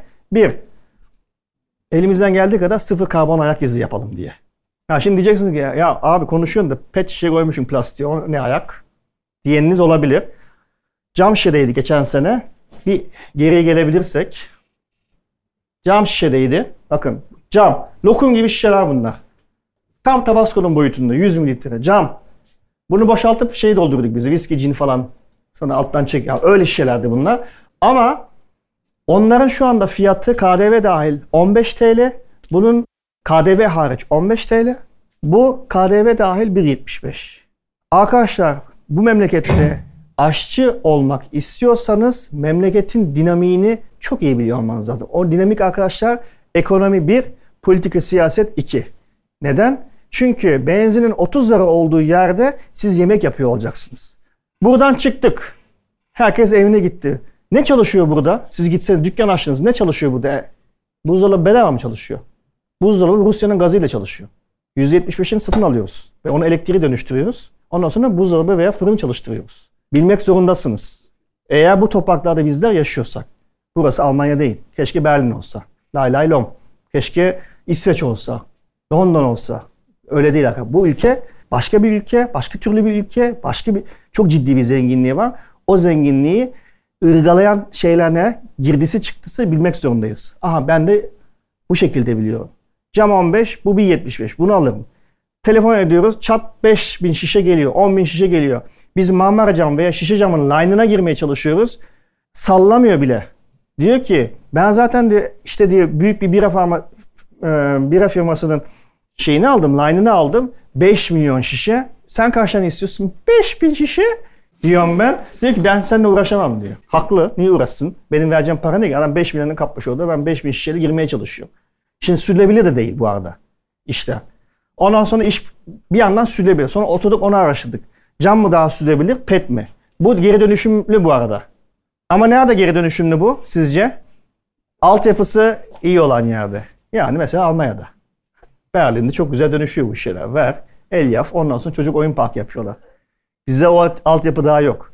Ama bizim gönlümüz zengin. Yani biz yapacağız onu. O olacak o. Gençliğimiz de var. Yapacağız biz bunu. Bir gün olacak. Ama hemen olmuyor. Sadece sabretmek gerekiyor. Şimdi devam edelim. Ha bir geri gelelim tekrar. Sana zahmet Muhammed. Glutensiz, vegan, koruyucusuz, ilave şekersiz. Neden? Çünkü dünya dinamiği ona doğru gidiyor. Siz bundan derslerini alıyorsunuz buralarda. Konuşmalar yapılıyor. Yok işte sürdürülebilirlik, yok bilmem neydi. İşte geçen hafta Mama Sultan'dan derste oturduk. Grup konuşmadık mı? Sürdürülebilirlik, sürdür, sürdürülebilirlik. Mutfağa bir giriyorsunuz, bu falan bir çıkıyorsunuz. Ertesi gün bütün gastronomların üstündeyle kaplı. Nerede sürdürülebilirlik? Kimse kimseye kandırmasın o zaman. Şimdi madem sürdürülebilirlikse o gastronomların kapakları var. Şefim özür dilerim. Kapağını kapatın o zaman. Yani o yüzden biz de elimizden geldiği kadar evet tabii ki de ekonomik olarak daha kendimizi belli bir doğrultuya belki getiremedik. Ama elimizden geldiği kadar işte vegan olsun, kurucu çünkü dünyanın dinamiği de oraya doğru gidiyor. Farkındaysanız dünyadaki yeme içme diyetleri değişmeye başladı. Özellikle Covid'den sonra. Daha sağlıklı, daha sürülebilir, daha yerel olsun, daha etrafımızdan nazin çevresine alalım ürünü. Ben her zaman karşıyım. Bir soru yazmışsın oraya şu kağıtta. Ben Mikna restoranda ben kendim buldum. İlhan Koçulu'yu tanıyor musunuz? Kas gravyerinin babası. Gandalf the White Oda. İlhan abi gravyer ve kaşar konusunda TED Talks'ları falan var. Yani öyle diyeyim ben size. Ve Amerika'ya gidin İlhan Koçul deyin peynirciler hemen tanırlar. Öyle bir adam o. Kars Boğatepe köyünden çıkma. Bu adam köylü bir insan kendisi. Sonradan tüccarlaşıyor. Üretim, örgütleme altyapısı var. Ciddi bir örgütlüyor. Ama biz Mikla'ya toplamda 1700 kilometre ileriden graver alıyoruz. Ben hep karşıydım buna. Neden? İzmir'in tulumu cebime girdi. Veya İzmir'de restorana gidiyorsunuz. İşte kaşar var. Veya İzmir tabasco kullanıyor. Niye bu var? Bunu niye kullanmıyor? Nerede geldi sürdürülebilirlik? O da sürdürülebilirlik, bu da sürdürülebilirlik. Mevhum ben biraz an kendim takıyorum en azından. Ben böyle şeye çok karşıyım. Kendi dükkanını kuruyorsan, kendi lokasyonda önce o lokasyondaki ürünleri çiftçi, köylü kalkındırmaya çalış. Ki sizin bu konuda arkadaşlar çok ciddi bir gücünüz var. Şeflik, aşçılık çok çok önemli çünkü siz talep ettiğiniz sürece karşıdaki üretici yavaş yavaş üretimini ona göre regüle etmeye başlıyor. Ben bunun son 15 senede miktar çalışırken çok şeyini gördüm. Ee, örneğini gördüm. Şimdi dükkan bu işte bizim hedeflerimiz bir yer satın aldık 21 dönüm. O 21 dönümün içerisine elimizden geldiği kadar minimumda atık, maksimumda sürdürülebilir enerjiyi kullanabileceğimiz, kurgulayabileceğimiz bir işte üretim tesisi ve sera alanları kurmaya çalışıyoruz. Örtü altı yetiştiriciliğine devam ediyor olacağız. Bu noktada ki en azından üretimimizi kendimiz kontrol edelim. Çünkü bir çiftçi veya köylü olarak üretimi sen kendin kontrol etmiyorsan ve nitelikli bir yan ürün elde ediyorsan o bibere bağımlısın. O biberin de lezzeti kendi ellerinden geçiyor sizin yemekleriniz gibi. Bunu hiçbir zaman unutmayın. Az daha ileri gidelim. Bu bunlar aslında video. Bu Chinatown. Bu elmayı işte böyle bu çok zor bir iş ya. Yemin ediyorum ya bunun sabah 8'de başlıyorum ben bunu kendim yapıyorum. Maldon gibi akşama kadar sürüyor bu. Bir, biri de gelip de abi ne yapıyorsun biz de bir elma keselim dedikleri de yok. Çünkü ben atarım tutarım oluyor mutfakta sert oluyorum. İşte onlar da çekiniyor herhalde. Ondan sonra kendi kendine böyle bu böyle gidiyor. Bunlar bizim padron değil mi? Yeşil. Padron biberlerimiz arkadaşlar. Bakın salça makinesinde çekiyoruz. Paste haline getiriyoruz. Bu geçen sene yaptığımız teknikti. Paste haline getirdikten sonra bu mavi bidonları görüyorsunuz. Bakın Antep fıstığı gibi çıkıyor. Yemyeşil. Yani profili çok iyi. Renk profili işte o visual sight dedikleri o renk profili aroma süper çok iyi. Ama bu sene yaptığımız şey şu. Bu sene çekip 8 kiloluk vakumlarda vakumluyoruz ve tabaka halinde. Neden? Çünkü minimumda pişirmeyi yapalım. Bu aynı zamanda enerji maliyetlerini düşürüyor olacak bizler için ve aynı zamanda da maksimumda aroma profilini sabit tutalım ve daha lezzetli hale getirelim. Arkadaşlar şimdi bir ürünü siz ortaya çıkarttığınızda bu ürün istediği kadar lezzetli olsun. Tabii ki lezzet en önemli parametre. Sizin yemekleriniz için de öyle. Bir işin arkasında durun. Yaptığınız iş lezzetli olsun. Eninde sonunda lokantanıza, restoranınıza birisi geliyor olacak. Ve o sürekli hale gel- gelmeye başlayacak. Bu iş hep böyle. Sadece yapacağınız şey lezzetli yemek yapabiliyor olmak. Lezzetli yemek yapabilmek arkadaşlar bir sizin teknik, burada öğrendiğiniz teknikten. İkincisi süreç içerisinde staj veya çalıştığınız ustalardan, ustadan bahsediyorum bu arada, şeften bahsetmiyorum. Sonra da artık kendi yetinizden, kendi merakınızla birleşmeye başlıyor. Lezzetli yaptığınızda yöresel ürünleri takip edip yöresinden ve mevsimden ve atalık tohumundan almaya başladığınızda yemek lezzetli hale geliyor. Eğer ben Nazilli ve çevresinde yetişen ürünlerle yemek yaparsam o ürün daha lezzetli geliyor. Bu en azından bizim açımızdan Mikne zamanında e, tecrübeyle sabit bir durum idi.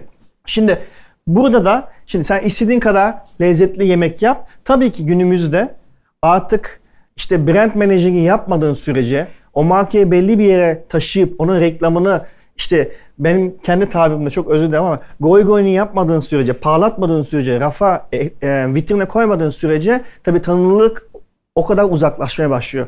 O zaman işte o zaman mesela de- devreye özlem giriyor. Özlem, fotoğraf, profesyonel fotoğrafçı, bunlar profesyonel fo- bizim ilk şişeleri gördünüz. Böyle sümsük gibi miserable şişeler böyle duruyor. Ama şimdi bakın fotoğraf, ışık, işte markanın konumlanması, markanın değerlenmesi artık yavaş yavaş işi biz profesyonelliğe dökmeye başladık. Bu fotoğraflar biz özel ne zaman çektiydik? Geçen 6 ay önce çekildi. Profesyonel bir arkadaşımız geldi tık tık tık. Dedik ki biz şöyle bir şey istiyoruz. Biz gayet esnek bir firmayız, şirketiz. Zaten gördünüz yani 4 ton biber geliyor biz orada pizza yapıyoruz yani. Hani kafaya bak yani. Şimdi ama bir yandan da ciddiyiz. Yani bir yandan da kendi kurumsallığımız da var. Çok fazla böyle stresi girmeden bir kurumsallığımız da var. O yüzden de hani biz renkli insanlarız. Elimizden geldiği kadar da bu renkliliğimizi, bu çeşitliliğimizi soslarımızın brand managing'inde değil mi? Doğru mu söylüyorum Özlem? Orada yansıtmaya çalışalım dediğimizde sağ olsun çok iyi anladılar bizi. Ondan sonra bu fotoğraflar gelmeye başladı. Bunlar unique blend soslar demin dediğim. Bunlar single origin'ler.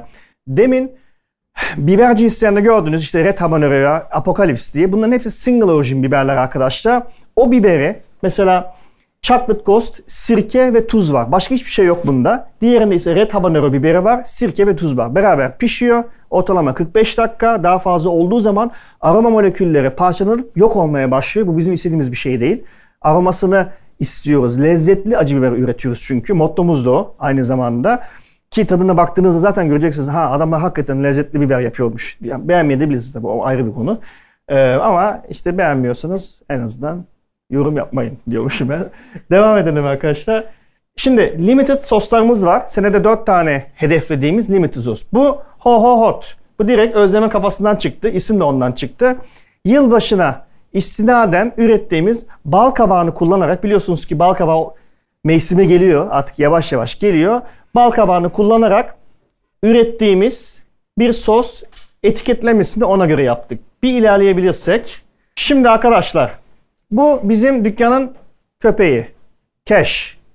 Şimdi arkadaşlar kendisi bir akbaş. Dükkanın bekçisi ama pek de bekçilik yapmıyor. Lap, lap, tam bir lapacı sütlaç. Hayvanları çok çok seviyoruz arkadaşlar. Bu kafa bu da benden çıktı. Yani böyle bir kafa. Burada etiketin dizaynını benim Özyeğin Üniversitesi'nden çok sevdiğim mezun bir öğrencim var. Kendisi dövme sanatçısı oldu. Benim köpeğimin dövmesini de o yaptı. Keşi de o yaptı. Arkadaşlar bu bizim sosyal sorumluluk projemizdi. Online limitli 250 şişe yanlış hatırlamıyorsam 250 şişe aldığınız her şişenin parası maliyet de dahil olmak üzere depremde etkilenen sokak hayvanlarının bakımına gitti direkt. Hayvan arama kurtarma Ark. Arhark diye bir dernek var İzmir Base. Bütün sosun satışı direkt onlara aktarıldı ki onlar da hani elimizden geldiği kadar işte ucundan sağından solundan tutalım e, diye. O yüzden de tabii ki çok doğal olarak biz de oraya keşin fotoğrafını koyduk. Şimdi e, önümüzdeki günler ha şimdi bu arkadaşlar bu çok önemli. Şimdi tamam biz acı sos üretiyoruz. Ama acı sosu yiyebilen var, yiyemeyen var. Eşikleri var. On, önümüzde 23 Nisan'dı. Bu arkadaşlar Yamaç, Özlem'in oğlu. Şimdi Yamaç çok geliyor gidiyor bize. Ondan sonra bir gün şey dedi. Ya dedi hep bütün soslarınız acı dedi. Şimdi bizde bende bir şey soru işareti oldu. Ne olacaktı başka? Hani acı sos üretiyoruz ama ama çocuk da haklı. Nasıl yapacağız? Ondan sonra dedik ya Yamaç dedik biz sana bir sos yapalım. Ya biz bir sos yapalım. Sen ona açık bir dene bakalım. Beğenirsen paketleriz dedik. Şimdi Argesi şöyle oldu. Yapıyoruz. İçerisinde yani acılık oranı 0.5 gibi bir şey. Yamaca tattırıyoruz. Yamaç nasıl acı mı diyorum böyle yapıyor. Şuraya geldiğinde dedi tamam acı değil. Zaten içinde neler var? İşte bir takım havuç, elma. Yani püre gibi bir şey bir yandan da. Sonra illüstratör bir arkadaşla tanıştık. Nerede tanıştık? Bakın bu hep böyle oluyor. Kuşadası Davutlar'da çok e, önemli bir restoran var ve önemli bir şefiniz var. Damla Şef, Çiğ Restoran'ın sahibesi. Benim de çok sevdiğim bir arkadaşım. E, Tansel Hanım'la biz orada tanıştık. İllüstratörmüş. Ya dedik Tansel biz 23 Nisan sosu yapacağız. Sen işte onu şey yapar mısın, kurgular mısın? Bu kurguladı. Şimdi bu sos normalde böyle gelmiyor. O e, etiketteki küçük motifler arkadaşlar, onlar sticker e, boyundan yapıştırılmış. Çocuk alıyor sosu, ya kendi yapıştırıp kendi etiketini. Yani ürünle empati kurdurmasını sağlıyoruz. Tabii ki yani acı sos kültürü eğitimle başlar, çocukluktan başlayacağı için bizim de hedefimiz bunun yani etkisini büyük ihtimalle yamaç 20'li yaşlara geldiğinde biz de görüyor olacağız. Ondan sonra ve o kültürü en azından e, tanıtabilir veya genişletebiliriz diye düşünüyoruz. Çünkü ha deyince bir şey ha sevilmiyor. Bu gerçekten de bir proses ve bir zamanlama arkadaşlar. Bir sonraki sos tat eşleşmeleri. Ne ile ne uyuyor? Sonra dedik ki tamam anlatalım yaptık biz bu sosu da. Çünkü insanlar soruyor alıyorsunuz. Cansu alıyor, Mama Sultan alıyor. On diyor ki abi diyor aldık biz bunu da biz bunu neyle yiyeceğiz? Yani istediğin şeyle yiyebilirsin. Ama uyan şeyler var. Mesela işte köfte, dünyanın baharatı var orada. Değişik değişik baharatlar. Ve biz ona bayağı sıvı sucuk olarak de- değerlendirdik. Tadına bakacaksınız. Hakikaten sucuk tadında. Sucuk baharatları var çünkü. Acılı böyle sucuk baharatında akışkan bir sos. Dedik ki ulan dedik bu dedik. İşte mesela bulgura çok yakışıyor bulgur pilavına. Bizim yanımızda çalışan bir ailemiz var. Levent ve Nurcan abla. Nurcan abla Mardinli. Bir bulgur yapıyor. Bunu yapıştırıyor içerisine. Ama bir yiyoruz. Aa çok güzel. Uyuyor. Eşleşiyor mu? Pizzaya eşleşiyor. Hamurlara eşleşiyor. Asian food yaptık. Geçen gene canımız sıkıldı. Biz böyle şeyiz ya. Yani böyle bir e, rahatız. Dedik ki Asian food yapalım. İşte yaptık Asian food. Yasemin pirinci falan filan. Yani acılı yaptık. Yetmedi. Acı döktük üzerine. İşte köfte o gayet güzel gitti. Sonra murga verdi. İşte yeşil sosumuz, mandalina var içerisinde, lavanta var arkadaşlar. Lavantanın kendisi var. Çok naif ve kırılgan bir aroması var. Yani etli olmuyor ama salatayla süper iyi gidiyor. Salata çeşitleri de çok lezzetli hale gelmeye başlıyor. Biz de şey dedik yani Özlem'den çıkıyor. Abi dedi biz bunları dedi yazalım, iç yapalım, e, internete koyalım bir yandan da ki insanlar neyi nasıl ne şekilde yiyecekleri en azından yönlendirebilelim. Çünkü o sorular gelmeye başlıyor dedi. Devam edelim. Ondan sonra Chinatown. Şimdi Chinatown yaptık. Şimdi her sosçu mutlaka bir barbekü sos yapar. Çünkü barbekü siz de biliyorsunuz bir ürün istendiğinde smoky flavor olduğunda daha çok yeniliyor. Biliyoruz hani barbekü sosları daha çok seviyoruz. Dedik ki tamam elmayı tütsüleyelim ama ben elmanın bu kadar uzun süre tütsüleneceğini ben biliyor olsaydım lanet olsun hayatta böyle bir sos yapmazdım. Ama yaptık gari koyduk da şeye line'a artık yapacak bir şey yok onu yapıyor olacağız. Burada tabii ki barbekü olduğu için etlerle inanılmaz eşleşiyor. İşte hamburgerlerle, sosislerle, sucuklarla, tavuklarla, onunla bununla süper eşleşiyor. Ama biz genelde şunu da yapıyoruz. Sabah gidiyoruz dükkana mesela. En başta ikisi hep e, daha erken geliyor. Ekmeğin üzerine koyup kaç kere yedikleri oldu. Ekmeğin üzerine böyle salça gibi yiyoruz yani işte. Peach var, bunda şeftali var. Gümüldür şeftalisi. Süreç içerisinde şeftali mevsimi biliyorsunuz ki Haziran ayının başında başlar. Gümüldür şeftalisi, şey gümüldür şeftalisi, küçük Menderes şeftalisi, eğer o bölgede olanınız varsa Belevi, Selçuk şeftalileri yavaş yavaş şeftali yukarı doğru kaymaya başlar iklimle ilintili. Bursa şeftalisinde sonlanır. O akışkanlığı iyi bilirseniz o süreçler boyunca bu sosu yapabilme şansınız var. Bu sos her zaman yapılmıyor. Şeftalinin olduğu zaman veya mandalinin olduğu dönemlerde biz bu sosları yapıyoruz. Şeftali en çok satan soslarımızdan mesela bu bir tanesi. Çünkü çok parfümerik bir e, aroması olduğunu söylüyor ve en çok bunu yaptığımız istatistiğe göre de hep kadınlar alıyor. E, gerçekten böyle çok feminen bir lezzet ve aroma profiline sahip. Her şeyde uyuyor. Makarnayı mesela çok en azından ben kendim makarnayla çok iyi eşleştiriyorum. Sonra bir takım böyle fotoğraflar da tabii ki çekmemiz gerekiyor. Sonucu da vardı Özlem. Dedi ki böyle dedi sap gibi bunları dedi koyup sağa sola çekmeyin dedi. Ben bunları dedi potpourri yapayım. Bir kurgu içerisinde dedi yapıp e, alanı dedi yükseltmemiz gerekiyor dedi. Ondan sonra tabii ki sos acı sever insan çok fazla e. Ben de bilmiyordum. Yani benim acı biber ve acı sos kültürüm çok ciddi söyleyeyim iki sene. Ben iki sene önce ben de Tabasco işte varsa çok da yiyen bir insan da değilim. Yani acı biber yiyorum da hani sos o kafada değildim. Şimdi o kafaya girdik. Tabi bir bakıyorsunuz bayağı acı biber seven insanlar var. Demin peach bomb'u gördünüz. En çok satan arkadaşlar en çok satan bu. Chocolate Ghost gudubet acısı. Girişte ve çıkışta sorun yaratan. Bu. Nasıl yiyorlar anlamıyorum bunu ya. Bir tane müşterimiz vardı. Siz o zaman yoktunuz. Biz bir tane limit edition çıkarttık. Inferno diye. O gari. O ana ana. Mail atmış adam. Adamdı sonra. Telefon ettim çünkü. Bundan daha acısı yok mu? Telefonu var mı dedim. Var. Abim verin bakın şu telefonu dedim. Aradım işte beyefendi Metin Bey. Abi, gör ben işte dükkanın sahibi falan. Ya beyefendim ya sizin ağzınızda bakır falan mı var dedim ya. Ya onu- daha acısını soruyorsan gari insan değilsin nezdimde. Adam diyor ki ya diyor ben acıyı seviyorum da benim eşim çok düşüktür diyor. O yüzden ben yerim diyor. Dedim yani hani mide sorunları falan yok yok dedi. Reflü falan diyorum yok diyor. İyi dedim yani biz o zaman siz tester olun dedim. Biz yapalım gönderelim. Beğeniyorsunuz piyasaya çıkartalım. Hani böyle testerlarımız da var. Ufak tefek testerlarımız. Ee, yorum yapanlar sağ olsunlar çok paylaşıyorlar yorumlarını. Ee, biz de elimizden geldiği kadar onları arşivlemeye çalışıyoruz. Çünkü bütün bu bir gün siz de iş yapacaksınız, kuracaksınız. Bu arşivler sizin portföyünüz olmaya başlayacak. Bu çok önemli. Niye? Çünkü biz yurt dışına açılmaya çalışıyoruz. İşte İki ay önce ilk ihracatımızı yaptık. Almanya'ya gönderdik. Ondan sonra şimdi işte İngiltere'ye zorluyoruz. Amerika'ya zorluyoruz. Bunların hepsi arkadaşlar hani olur ya portföy derler bir dosya olur. Dosya yapılır. Bunlar o. Bu sizin piyasadaki görünürlüğünüzü sağlıyor. Ha diyor bunlar da şey diyor. Bunlar da boş beleş insanlar değil ciddi iş yapıyorlar. Ha bundan takipçileri de var demeye getiriyorlar. İlerleyebiliriz. Nerede satıyor? Şunları dağıtalım mı? Dağıtalım. Bir yandan dağıtalım. Nerede yiyoruz, şey satıyoruz arkadaşlar?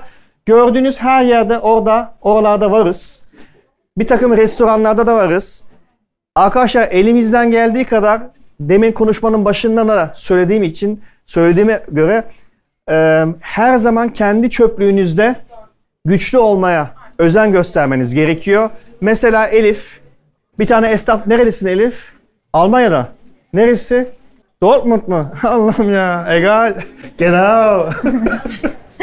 Elif Denizlili. Denizli'de dükkan açtı. Değil mi Elif? Denizli'de dükkan açtı. Eğer arkadaşlar Elif'in restoranına bir Denizlili gitmiyorsa bilin ki Elif çok başarısız bir aşçı. O yüzden her zaman kendi lokasyonunuzda önce güçlü olmaya çalışın. Bizim ilk hedefimiz oydu. Önce Urla, içi, Urla çevresi ve İzmir'de önce vermeye başladık sosları. Sonra yavaş yavaş elimizden geldiğince üretime bağlı bu. Çünkü bizim üretimimiz de bibere bağlı sonuçta limitli. Çapı büyütmeye başladık ve yavaş yavaş artık buralara da girdik. İlerleyebiliriz eğer varsa. Bu offline satış noktaları arkadaşlar İstanbul ve e, İzmir'de, bir de Ankara'da, bir de Bodrum'da. En acısı Kahverengi olan. Kahverengi olan evet. Arkadaşlar Almanya Almanya gönderdik. Almanya Instagram'ını hazırladık. Kademe kademe ama bakın bütün bu yaptığımız için deminden beri anlatıyorum. Her şey bir buçuk senede oldu. Neden? Çünkü sos trik bir idea. Trik bir fikir daha doğrusu. O yüzden hızlı ilerliyor. Çok hızlı ilerliyor. Biz de elimizden geldiği kadar fren yapa yapa gitmeye çalışıyoruz. Çünkü Bizim üretimimiz bibere bağlı. Bakın şimdi ben başta bir şey söylemiştim. Antep kim vardı Antepli? Bir de mısra var. Arkadaşlar single origin soslar, kırmızı olanlar. Base'ini hangi biber oluşturuyordu? Antep biberi. 6 aydır Antep biberi almaya çalışıyoruz. Son 4 ay, 3 ay, 2 haftadır, 3 haftadır Özlem Suzi biliyor. Taşındım ben Antep'e. Antep'te yaşıyorum ben. Karımı falan gör- görmüyorum. Yani o, o kadar olduk gari. Neden biliyor musunuz? Gene aynı şeyi söyleyeceğim. Ülkenizi iyi etüt etmeniz gerekiyor. Antep'in biberi nerede yetişiyor? Islahiye'de. Arkadaşlar, Islahiye ne bölgesi? Çok güzel. Depremden dolayı maalesef Islahiyeliler Antep biberi yetiştirmiyorlar. Yetiştiren var. 5 tane çiftçi var. 40 tane de alıcı var.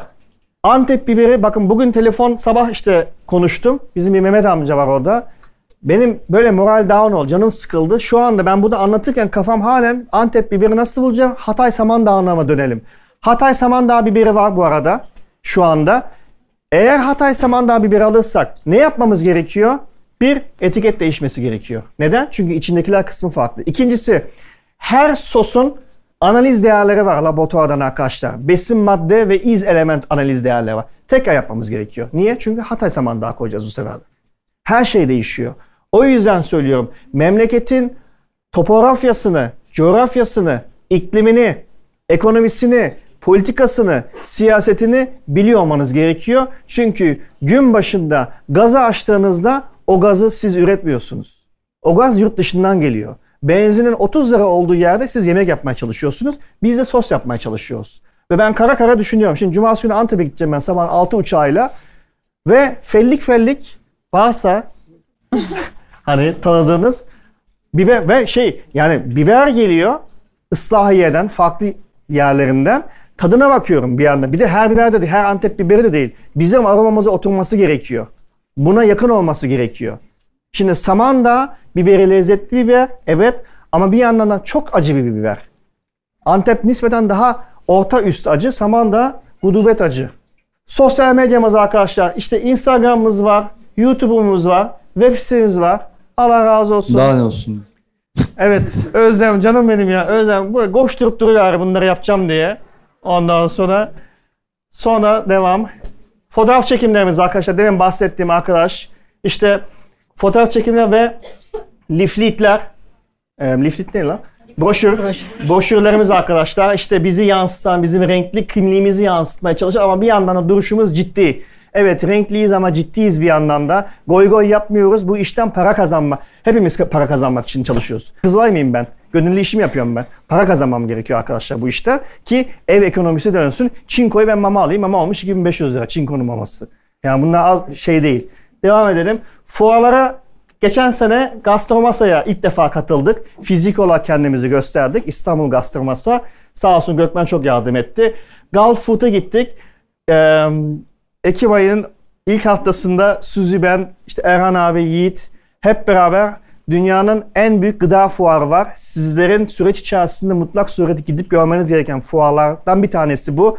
Anuga Fair diye geçiyor. Çok önemli bir fuar. Bütün dünyanın yeme içme dinamiğinin nereye doğru evrildiğini çok iyi gösteren fuarlar. Oraya gidip bir bakacağız. Biz bir şeyler yapıyoruz. Onlar ne yapıyorlar? Dünya ne yapıyor diye. Katıldığımız bir fuar var. Ee, Nisan ayında Amsterdam'da Private Label diye bir fuara katıldık. Sos ve vegan ve vegan hamburger. Almış başını yürümüş gitmiş arkadaşlar. Yani gerçekten de insanlar artık orada gözleri açılmış ve dünya oralara doğru evrilmeye başlamış. Şunu görüyoruz biz bir yandan. Evet biz doğru bir yoldayız. Vegan üretim yaparak minimumda enerji maliyetiyle maksimumda sürdürülebilir yapıp mevsimsel döngüyü takip ettiğimiz zaman insanlar yurt dışındaki insanlar veya distribütör diye tabir ettiğimiz büyük alıcılar çünkü ilk onları soruyorlar. Yapıyor musunuz? Yapıyoruz. Sertifikanız var? Var. Ha iyi o zaman oturalım konuşalım. Deyip ha geçen hafta bir Berlin'e gittik. Yani hafta sonu fık fık Erhan abiyle beraber bir acı biber festivali vardı. İyi ki çok fazla tadım yapmadım ben. Çünkü herkes acı biber sos üreticisi ve herkes birbirinden güzel, gayet nevi şahsına münasır soslar yapıyorlar ama temelinde tabii ki bir yandan da acı. O yüzden girişi olan şeyin çıkışı da olduğunu düşünerekten daha emniyetli bir şekilde e, tadım yaptık. Bu arada hiçbir zaman şunu unutmayalım. Şehir efsanesi değil bu. Bu bir, bilimsel bir gerçek. Acı yediğinizde kiminin eşiği yüksek oluyor, tölere edemiyor. Ne yapmanız gerekiyor acı yediğinizde? Yok. Güzel. Çünkü sodaya atlayan var. Meşrubata atlayan var. Kola mola. Bu hiç yapmamanız gereken bir şey. Çünkü üçe katlıyor acıyı. Su, hayır. Çünkü su geçirmiyor. Birinci yapmanız gereken şey eğer alkol tüketiyorsanız bir şarap direkt keser. İkincisi süt ve süt ürünleridir. O yüzden yoğurt yemeniz gerekiyor tabii. Güneş yanı gibi üstüne sürmemeniz gerekiyor. O başka bir şey. Yemeniz gerekiyor. Yoğurt, süt, peynir. Üçüncüsü ekmek arkadaşlar. Acıyı bu alır. Aklınız olur. Yemek yaptınız. Sulu yemek. Tencere.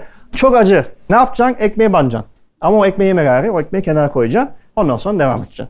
Evet. Yurt dışı dediğim gibi sosyal sorumluluk arkadaşlar işte cash sayesinde işte bir bilinç, bir farkındalık oluşturmaya çalıştık. En azından hayvan sahipleri ve e, hayvan sevenler arasında bu farkındalığı yarattığımızı kendi sosyal çevremizde e, çok güzel tepkiler aldık. Ve o mama olarak biraz da keşe de döndü. O da çok sevindi. Ve bunları biz devam ediyor olacağız ileriki dönemlerde. Şimdi gelecek arkadaşlar bizim geleceğimiz ne? Dediğim gibi 21 dönüm bir arazi üzerine kendi tesisi olan, kendi üretimhanesi olan, seralar olan bir artık inşaata yakın zamanda başlanıyor olacak. Orada elimizden gelen işte sıfır kimyasal ve sıfır koruyucu neredeyse çok düşük atık madde çünkü biberimizin atık maddesi yok arkadaşlar. Şeftalinin çekirdeği var, kompost oluyor. Biberin sapı var, onu kurutuyoruz, çekiyoruz. Baharat karışımı için ben onun algesini yapmaya başlayacağım. Fermente etmeye başladık biberleri. Fermentasyon ne demek? Turşu kurmak demek. Kurşun niye kurulur arkadaşlar? Eskinin buzdolabının olmadığı yerde turşu kuruldu biliyorsunuz. Turşu sizin soğutma masraflarınızı ve maliyetlerinizi azaltmaya başlıyor. Eksi 24'ü aradan çıkartıyor. O yüzden biberlere şimdi turşu arkesini yapıp fermente olan biberlerden sos yapma yavaş yavaş dönmeye başlayacağız. Çünkü iklim değişiyor. Dediğim gibi iklimin değiştiği yerde arkadaşlar bizim daha sürdürülebilir bir şekilde üretim yapabiliyor olmamız gerekiyor. Başka yaşam alanı, ham madde bostanı. Yani ham madde bostanı şu arazimizin karşısında bir kooperatif var. Mandalinalar var. İşte mandalinayı onlardan alacağız. Şeftali ağaçlarımız var kendimiz yetiştirelim dedik. Soğanı kendimiz yetiştirelim. Çünkü ziraat mühendisimiz var ya e, dükkan içerisinde. Bir de Eren abimiz var. Asıl ziraatçı o. Ben kendimi ziraat mühendisi olarak hiç değerlendirmiyorum. Ondan sonra. Sonra gelecek bizim için ne demiş Gandalf the White? There is always hope demiş. Arkadaşlar umutun olduğu yerde her zaman başarı bir şekilde oluyor olacak. Yeter ki lezzetli yemek yapın arkadaşlar. İyi üründen istisnasız lezzetli ham maddeden her zaman iyi yemek yaparsınız. Ama lezzetsiz üründen, mevsiminde olmayan üründen hiçbiriniz benim diyen kalkıp lezzetli yemek yapamaz. İçerisine ekstra katkı maddesi veya koruyucu maddeler koymadığı sürece. Bu sabittir arkadaşlar. Bunu zaten derslerde de görüyorsunuzdur. Bitti mi?